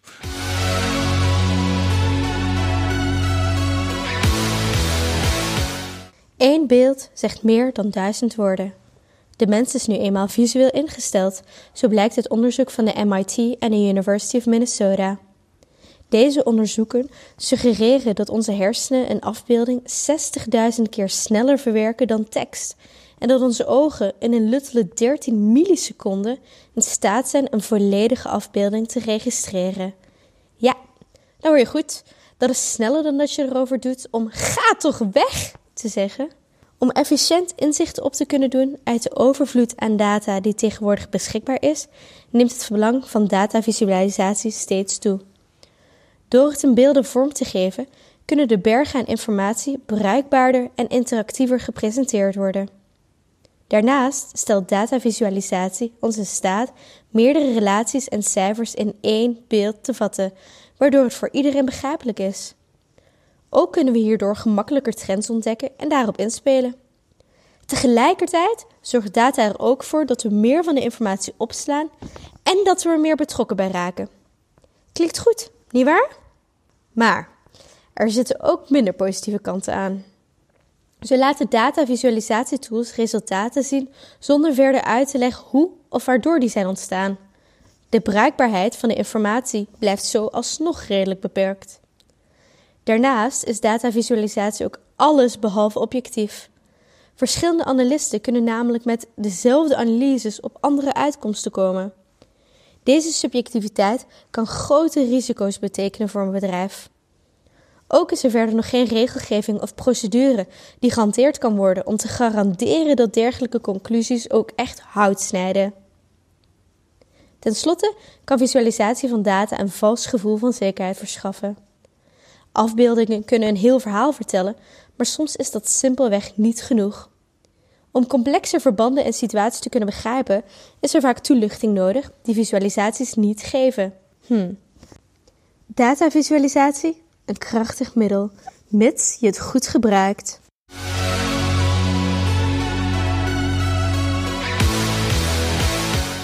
Wat een leuk item hebben onze studenten weer gemaakt. En als je nou dit luistert of je kijkt uh, dit en je denkt dat wil ik ook, kom dan bij Onder Mediadoctoren, want we zoeken nieuwe redacteuren. Dus als je student bent en je houdt van media, je bent geïnteresseerd in media, uh, kijk dan op ondermediadoctoren.nl en uh, meld je aan. En doe mee. Tot 24 december staan deze vacatures open. Net voor kerst. Dus Net moet, je, moet je wel snel zijn. Ja. Tom, uh, er zit een enorme ontwikkeling in datavisualisatie. Zeker uh, in relatie tot big data en statistiek. Brengt ons dat, uh, helpt dat ons om kritisch te kijken naar statistiek of niet? Niet op zichzelf. Um, het, het, het, datavisualisaties kunnen heel gunstig zijn. En je ziet ook heel veel wetenschappers die daar gretig gebruik van maken in ons eigen onderzoek. Er zit Armen en zijn scatterplots. Het ja, begint bij ik, de scatterplots.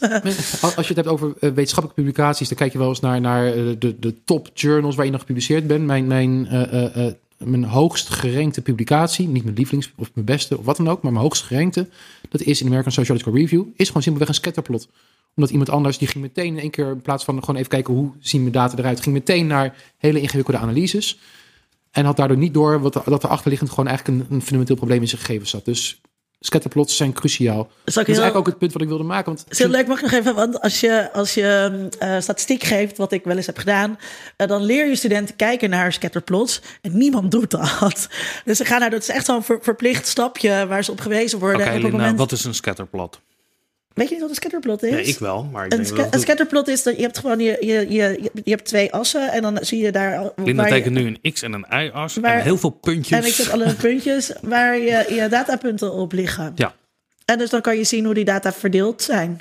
Okay. Zeg ik het zo goed? Ja, het is een spreidingsdiagram. En, en als je twee gegevens hebt, bijvoorbeeld uh, de, iemand zijn leeftijd en, en uh, uh, iemand zijn steun voor die democratie bijvoorbeeld, dan kan je nagaan van is er misschien een verband tussen die twee door, door ja. alle individuen. Met je hebt twee variabelen, dus twee assen, dus je kan het ja, daarop het kan ook, uitzetten. Het kan ook met meer zijn, maar twee, ja. meestal reduceren we alles tot twee, want dat kan je op papier makkelijk weergeven. Ja, maar dat, dat, alleen dat al. Hè? Ja, dat, je, dat, dat die tweedimensionale, dat we nu ook steeds meer driedimensionale uh, mogelijkheden hebben. En ook dynamisch laten zien hoe dingen zich ontwikkelen. Uh, ik ken dat uit dat big data onderzoek waarin dat steeds meer gebeurt. Um, ik heb bij het onderzoek ook wel eens het idee, we kunnen iets heel moois maken. We hebben een dataset, we kunnen het heel mooi visualiseren. En daarna gaan we nadenken, wat betekent dit nou eigenlijk? Maar dat, dat is precies het probleem. Uh, um, ik denk dat datavisualisaties, als we weten wat we aan het meten zijn, ontzettend kunnen helpen. En dat doen ze ook. Alleen het is op geen enkele manier een, een, een, een hulpmiddel dat, dat journalisten of wetenschappers ontslaat van die verplichting om te weten wat je, wat je aan het meten bent. Uh, dus soms, ja. soms kunnen visualisaties helpen om dingen heel erg tastbaar te maken. Maar je kan, je kan mensen ook totaal op het verkeerde been zetten als je dat verkeerd doet. Ik zag een is... voorbeeld in Le Zwaag. Uh, was de Eerste Wereldoorlog. Waar vielen de doden? Nou, ik vond het prachtig. Dan kon je per dag kon je zo zien. Ah, nog met doden, nog met doden. Toen vroeg ik me opeens af. Ja, ik wist al dat er een heleboel mensen dood waren. Nu weet ik dat er op een bepaalde dag meer waren dan een andere dag. En dat er aan het einde ook nog een heleboel waren. Dat het meer een soort monument was eigenlijk. Kijk eens hoeveel. Meer te vergelijken met een groot monument waarin je heel veel namen mm -hmm. ziet. En dat gaat het ook niet over die ene naam en het ding. Maar de hoeveelheid, dat was eigenlijk de informatie die ik kreeg. Maar het is, het is heel belangrijk. De, het is heel belangrijk, denk ik, om stil te staan bij wat, uh, wat moet datavisualisatie doen. Dus zo'n scatterplot helpt jou als onderzoeker om uh, te zien hoe die spreiding uh, tussen jouw waarnemingen is. Op een manier wat je niet uit je datamatrix kunt halen. Omdat wij ook visueel zijn ingesteld en dat helpt. Dus dat is gewoon een hulpbron die je dan nodig hebt. Vervolgens kan je zeggen: het helpt om mijn inzichten uh, duidelijk te maken. of om mijn resultaten inzichtelijk te maken voor andere wetenschappers in een, in een fijne grafiek.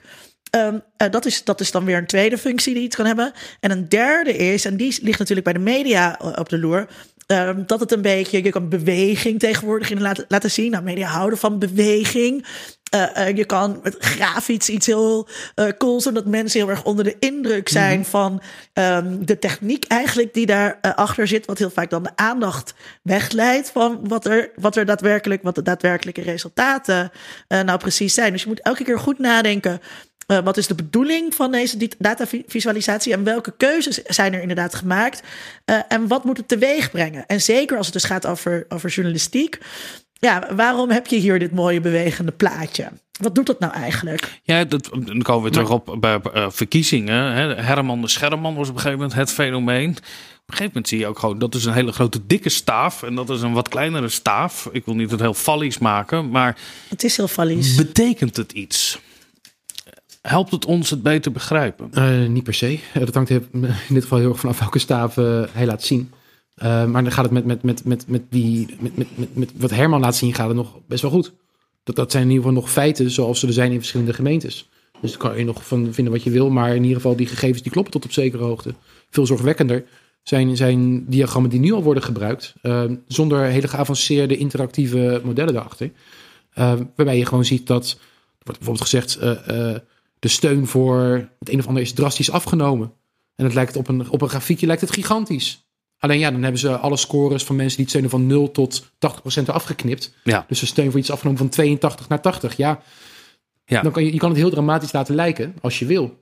Ja, let op het kriskrasje in het uh, ja, en, en, en soms, er zijn Amerikaanse uh, media geweest die, die um, de richting opeens hebben om aangepast. Dat is in plaats van van links naar rechts grafiek laten zien, liet ze het andersom zien. Oh. Wetende dat mensen dan denken dat, dat uh, degene die het meest rechts eindigt, dat die het beste is. Dus er zijn heel veel trucjes die je kan gebruiken. En zolang dat fout gaat, dan heb je dus niks aan verdere uh, geavanceerde elementen. Maar ik heb daarbij in dus Nederland, wel... Ja, maar, nee, maak je zin af. in, in, in Nederland zijn we ook helemaal gek op een of andere manier in de politieke journalistiek op, op, op kaartjes waarin we gemeentes laten zien. Ja. Uh, of, of wijken. Uh, in welke gemeente uh, scoren bepaalde, bepaalde uh, partijen goed. En heeft dat te maken met hoeveel bakfietsen. Laatst zag ik zo'n kaartje over steun voor Zwarte Piet. En, en in dat kaartje hadden ze het ook. Um, de, als een gemeente heel groot was, dan was dat dus, hadden ze dat een beetje laten uitdikken op dat kaartje. Dus, dus er zaten een soort bulten ja. op Nederland. Wat dus heel erg bedoeld was om. En dat, is, dat is online gebeurd. Op, op, op papier hadden ze dat juist niet gedaan. Ja, wat heel erg bedoeld was om weer te geven. het is een strijd tussen stad en, en, en, provincie. Wat een specifiek frame is en wat op deze manier uh, ondersteund ja, maar. Maar daar zitten dus achter zo'n zo'n grafiekje wat heel simpel lijkt, zitten heel veel keuzes. Want ja. er is nooit een onderzoek geweest waar, waar op basis waarvan je op, over die gemeentes kan zeggen wie er wel of niet voor Zwarte Piet is. Hè, waar waren die data dan van afkomstig? Ik geloof dat, als ik het goed heb, de gegevens kwamen van een peiling van Maurice de Hond. Die liet zien wat de samenhang is tussen partijkeuze en of je voor of tegen Zwarte Piet bent. Ah. Vervolgens weten de verkiezingsuitslagen in die gemeentes. En is gedaan van ja, stel je voor onder de voorwaarden dat in al die gemeentes de samenhang exact hetzelfde is. En dat een stem op de PvdA in Naaldwijk, waar, waar, waar, waar die geloof ik één zetel krijgt, hetzelfde betekent als, als in Amsterdam, waar die PvdA veel groter is. Onder al die aannames ga ik nu een plotje maken over de gemeentes. En dan heb ik geen foutmarges, want die zitten in mijn achterliggende model die ik niet laat zien. Ja. En dan krijg je opeens een prachtig kaartje waar je laat zien, kijk eens hoe groot de tegenstelling wel niet is. Ja. Maar er zitten dus allemaal statistische aannames achter die niet kloppen. En dan lijkt het opeens alsof het een stad-platteland verhaal is. Ja, terwijl het eigenlijk gewoon daar- gaat over CDA-stemmers. uh, Exact. ja. Ja, en, dan wordt en we een zien kous- bij, bij, bij, bij, Ja. in, in, in, in eh, eh, stemgedrag weten we bijvoorbeeld dat ehm 98% van de variatie tussen mensen waarom ze wel of niet van een partij veranderen, dat vindt plaats binnen gemeentes. En niet tussen gemeentes. Dus Nog één keer. mensen, mensen, sommige mensen veranderen van partij, anderen niet. Ja. Ehm, we gaan proberen te verklaren waarom dat wel of niet het geval is. 98% van die verklaringen vinden plaats binnen gemeentes. Het gaat gewoon om mensen binnen een gemeente die van elkaar verschillen. Ja. Daar zitten de oorzaken. Dus die gemeente verklaart maximaal op zijn best 2% van waarom we van partij veranderen. Oh, dus niet de Maar in de gemeente is omgegaan naar GroenLinks of Nee. naar... eh, ja.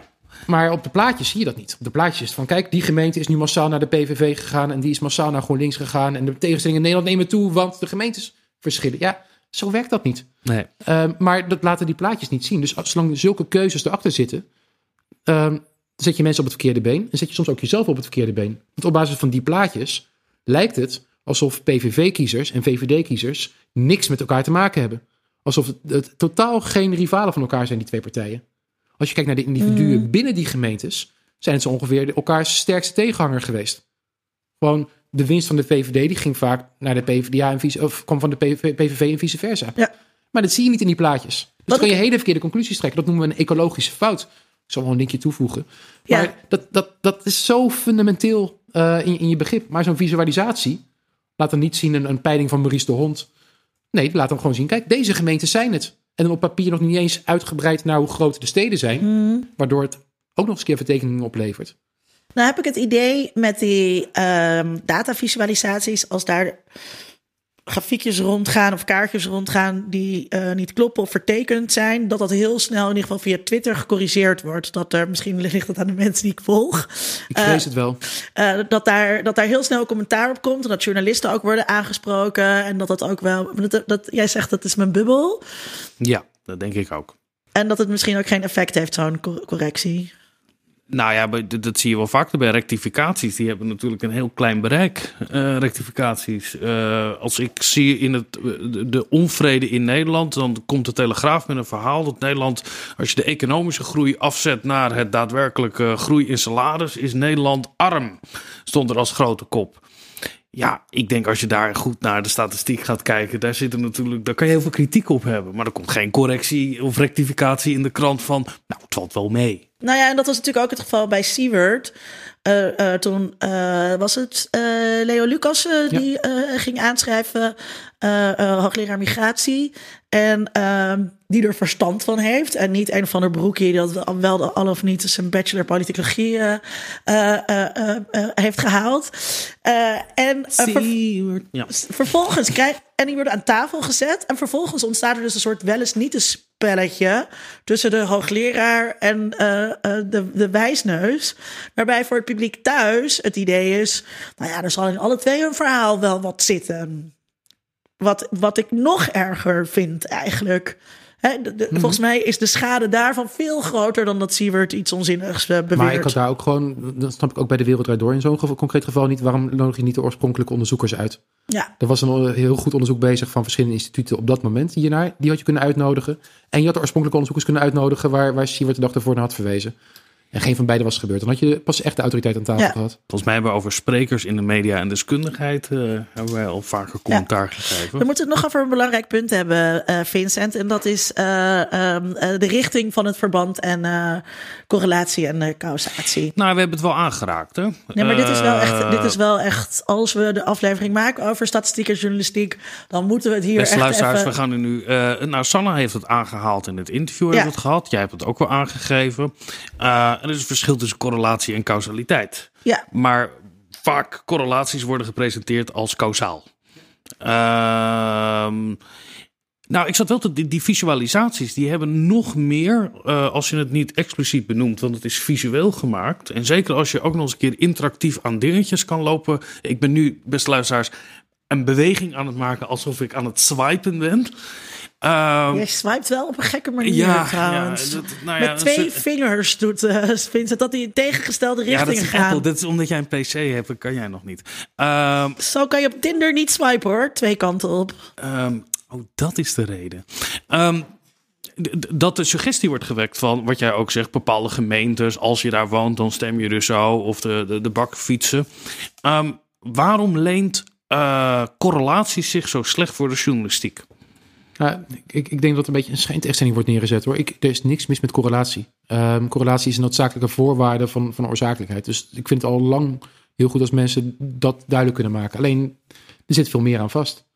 Ja, er zijn genoeg voorbeelden van hoe, hoe fout dit kan gaan. Eh, eh, van, van, van, die elementen dat, dat eh, ga niet naar het ziekenhuis, want dan ga je eerder dood. Ja, dank je de koekoek. Ja.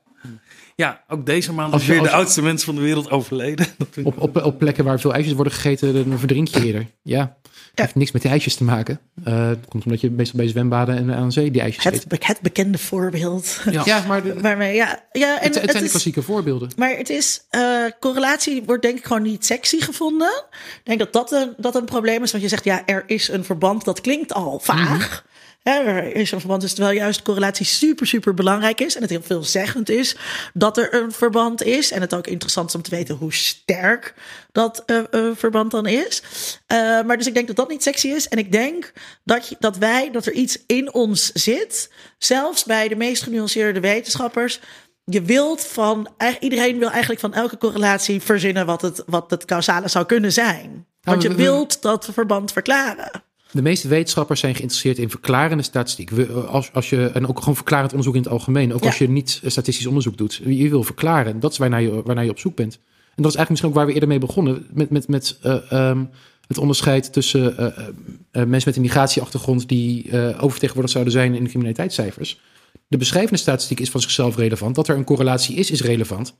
En tegelijkertijd is die verklarende statistiek ook relevant. Alleen het kan er los van staan. Ja. Je kan alleen niet de, de, de, de, de korte weg nemen. Dat zeggen dat de beschrijvende ook de verklaring is. Ja, Dus nou ja, dat is, tussen. dat is natuurlijk. eh, ehm, het is heel erg moeilijk om eh, eh, eh, causaliteiten eh, aan te tonen. Dus op het moment dat je surveyonderzoek doet, kan je eigenlijk bijna, nou eigenlijk niet, toch? Eh, eh, een effect of een richting van een verband aantonen. Dan moet je een experiment gaan doen, of je moet eh, langdurig onderzoek doen. Eh, maar met een gewone survey lukt dat niet. En toch wil iedereen, hè, van, van de student die een opdrachtje doet eh, om te oefenen voor zijn, eh, voor zijn SPSS-tentamen, wil weten waar ligt het aan. Ja, maar het, soms kom je op het niveau dat je... Je gaat een... Dat, die, die correlatie ga je onderzoeken... omdat je ook een soort vermoeden hebt... dat het een iets met het andere te maken heeft. maar een correlatie betekent dat ja. het een met het ander Ja. te maken heeft. Ja, maar dan... Dat doe je ook omdat je het vermoeden, of tenminste dat het voelt alsof daar een oorzakelijke relatie tussen zit. Eh, anders zou je niet in dat soort categorieën eh, gaan hanteren. Nou, dat weet ik niet. Ik, ik heb behoorlijk wat onderzoek gedaan zelf naar, naar eh, diversiteit in de wijk en de gevolgen dat dat heeft voor het vertrouwen dat we in elkaar hebben en het gedrag dat we met elkaar vertonen of we contact zoeken met elkaar. Nee, maar we gaan En- en- geen criminaliteitscijfers op, gebaseerd op schoenmaten eh. Nee, maar als wetenschap kan je ook zeggen, er is in de maatschappij is er blijkbaar een reële eh, eh, zorg hierom.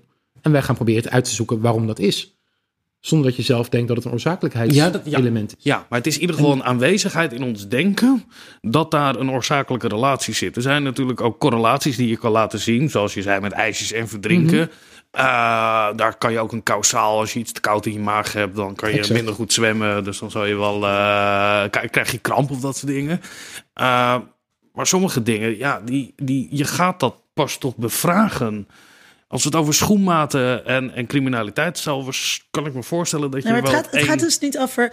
Dus wat, samenhang is interessant, omdat je wilt weten waarmee hangt criminaliteit allemaal samen. Ja. Voor een deel met etniciteit, voor een deel met klasse, eh, voor een deel met de buurt waarin je op bent gegooid. Dat zijn allemaal eh, interessante eh, dingen waarvan je, waarbij je ook veronderstelt dat het een het ander veroorzaakt.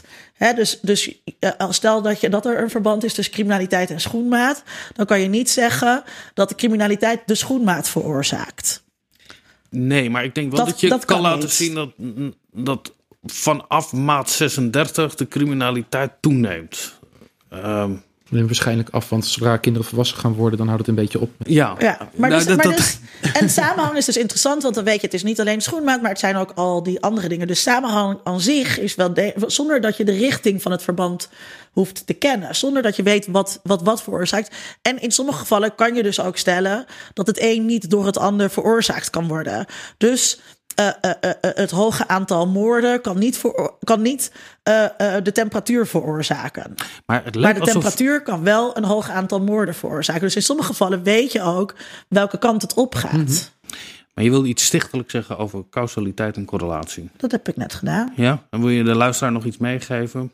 Nou, ik vind het wel grappig dat, dat, dat, dat, eh, eh, dat iedereen dit eigenlijk wel weet. Het wordt ook heel snel eh, geroepen, zeg maar. Dus daar wordt heel snel op gecorrigeerd. Maar er zit toch iets, ja. Ja, maar ook, dit is, het is ook een luie correctie. Want nee, eh, correlatie is geen causatie, maar tegelijkertijd Wel. kan je, nee, maar tegelijkertijd kan je ook niet doen alsof daarmee de, argumentatie weg is. Ja, ja, ja. ja. Uiteindelijk is elke causaliteitsanalyse is, is, is gewoon een analyse die, die gebaseerd is op theorie. Zelfs als je experimenten doet, zelfs als je, eh, als je longitudinale analyses doet, uiteindelijk is het in belangrijke mate een theorie, een aanname van wat je data laten zien. Ja. Tom, aan het einde van de uitzending willen wij altijd de vraag beantwoorden. En tot nu toe is dat altijd gelukt. Welke rol speelt statistiek in de journalistiek? Ehm, een hele dubbelzinnige rol. Ehm, enerzijds is, is, uh, zijn statistieken soms uh, de, de, echt de schaamlab van, van de journalistiek. Die worden gebruikt om een verhaal invulling te geven of een sterke realiteitsgehalte te geven. Aan de, andere, aan de andere kant zie je ook dat, dat statistieken heel vaak aanleidingen kunnen zijn om, om, om gerichtere, specifiekere, juistere vragen te kunnen stellen. Uh, en mijn vermoeden, wanneer het gaat om puur om, om de zetelpeilingen, waar we mee begonnen, is dat dat eerste aan het afnemen is, dat idee van een schaamlab. En dat het in toenemende mate aan het kijken is, wat, wat zit hieronder, wat zit hierachter, wat, wat is hier aan de hand? Waarom verschuiven kiezers? Uh, waarom doet die partij het zo slecht? Dat het aanleidingen vormt voor journalistiek in plaats van de schaamlab. Ja, dat het, het, het, nieuwsbericht niet af is met de statistiek, maar dat het een exact. aanleiding daarvoor... Maar het blijft een, een, een, ook echt een verantwoordelijkheid voor journalisten om, om het ook niet als schaamlab te gebruiken. En ook om, om, om alle correcties en nuanceringen niet als schaamlab te gebruiken. Ze moeten zelf de statistiek snappen voordat ze hem durven communiceren. Je kan niet zeggen, PVV en de Forum voor Democratie zijn even groot. En dan ergens in de voetnoot zetten, let op, deze peiling kent een foutmarge van drie zetels. Dus ja. eigenlijk alles wat ik hierboven heb geschreven is niet waar. Um, dat kan niet. En ik heb het idee dat journalisten dat, dat in toenemende mate goed doen. Linda. Het is wel grappig dat je zegt in toenemende mate. En dat je dan zo'n uitspraak doet. Want ik dan, dan zie je direct ook een grafiekje voor je met uh, lijnen die stijgen dan wel uh, dalen. Uh, ik denk dat we als maatschappij een kwantitatieve fetish hebben. we denken dat cijfers. Um, relevantie uh, bieden en houvast uh, ook bieden en objectiviteit bieden, de schijn hebben van neutraliteit ook. en die kwantitatieve fetish, gek genoeg verhindert die ook de maatschappij om daadwerkelijk te bedenken wat, wat is hier nou eigenlijk geteld? wat is hier nou eigenlijk, wat wordt er nou eigenlijk met elkaar uh, verbonden. Dus we vinden het, het lekker. En het, maar het lekkere zit er ook in dat het, het idee ook dat het moeilijk is. Um, wat ook denk ik mensen van weerhoudt om het beter te willen door, misschien ook beter te willen doorgronden. Dus het is ook, oh, nou het staat daar, dus het zal, het zal, het zal, het zal wel. Um, dus uh, wat was je vraag ook weer? Nou ja, wat, het, wat de rol speelt is dat. Wat mij opvalt is als ik. Uh, ik, ik zit in de geesteswetenschappen. Dat is uh, berucht omdat daar mensen rondlopen die daar weinig kennis van hebben. Dat had, is enorm in, ik had in ontwikkeling. Ik had mij doorsturen nee, van de cijfers aan mijn collega. Dit, nou, nou, Luister nou, de standaarddeviatie meegestuurd. En die man was ook echt. Ja, wat, wat, moet ik, wat moet ik daarmee? Want die spreiding is belangrijk. Ja, en Ja, ja. Um, um, moet ik daar heel erg hard over nadenken als Alfa, wat je nou precies hebt gezegd. Maar het valt me op dat in de geesteswetenschappen, uh, net zoals dat wij dat doen uh, in de journalistiek en wat dan ook, de mensen schaamteloos gebruik maken van bepaalde uh, statistiek. Als het in belang ligt van het kwalitatieve argument wat gemaakt kan, moet worden. Of welke analyse daarin zit, of welke interpretatie daaraan wordt gegeven. Dat in een inleiding van het meest geesteswetenschappelijk stuk is het dan toch wel even lekker om drie statistiekjes erin te knallen, zonder enig begrip van statistiek, om daarna dan een heel kwalitatief uh, interpretatief verhaal te gaan Bijna houden. altijd is dat ook beschrijvende statistiek. Ja, en uh, wat een soort aanleiding in zit om een bepaald onderzoek uh, te gaan doen. Dus ik maar ook vind, daarvoor geldt, ja. uh, statistieken zijn, zijn uh, net als experts, het zijn autoriteiten die je kan inzetten. Ja. En, en net zoals met, met experts gebeurt, die worden ook selectief ingezet. Journalisten weten prima waarvoor ze mij wel en niet willen bellen. Ja. Uh, nog, nog los van of ik wel of geen expertise heb, maar gewoon ze weten wat ik ga zeggen en ja. daarom bellen ze me wel of niet. En het geldt voor statistieken net zo. Ja, ik denk ja. dat het belangrijk is om statistieken te zien als een soort actor in actor-netwerk uh, ja. uh, theorie. Statistieken doen dingen. Ze hebben een functie. Ze hebben een functie, ze hebben effecten, ze hebben producerende kracht. dus de peilingen kunnen bepaalde effecten hebben die er niet waren geweest als die peiling er, er niet was geweest. en dat, dat besef is er, denk ik, wat je, dat, ik geloof wat je zegt, dat dat, dat dat wel klopt. Ik weet niet of dat in toenemende mate is, maar dat, dat besef is er uh, wel uh, onder journalisten. Maar tegelijkertijd zijn er te veel mechanismen waar, die dat eigenlijk tegenhouden, dat, dat besef. Luisteraar, dit was aflevering 82 van Onder Media Doctoren. En uh, volgens onze statistieken bent u uh, een van de 96% van onze luisteraars die het helemaal tot het einde van de uitzending heeft geluisterd. En er is natuurlijk een uitermate directe causale relatie tussen het geluksgevoel dat u nu ervaart bij het uitzenden van de uitzending. Als je daar ook iets aan bijdraagt, bijvoorbeeld door uh, ons te ondersteunen via Patreon, maar je mag ons ook liken op YouTube of Volgens mij wat je dan juist, sturen op Twitter. Je dan juist zeggen dat het, want nu is het 96% dus dat is, Ja. je behoort tot de, tot de overgrote meerderheid. Dan vonden die mensen zich helemaal niet speciaal. Beste luisteraar, je bent de enige die tot het einde van de uitzending is gekomen. Dus jij Maar bent dat is ook- dat is ook uitverkoren om ons te ondersteunen. Ja, maar wil je bij, bij de enige zijn die het helemaal uitluistert? Of wil je juist ook bij Maar de, on the luisteraar- bandwagon van, van, van de podcast populariteit. Je springen? kunt bij die 0,01% van de luisteraars horen die een leuke recensie voor ons achterlaat op iTunes en ons vijf sterren geeft. Dat zouden wij wel waarderen. En we zouden ook leuk vinden om een soort eindejaarsgroet eh, eh, van u te ontvangen.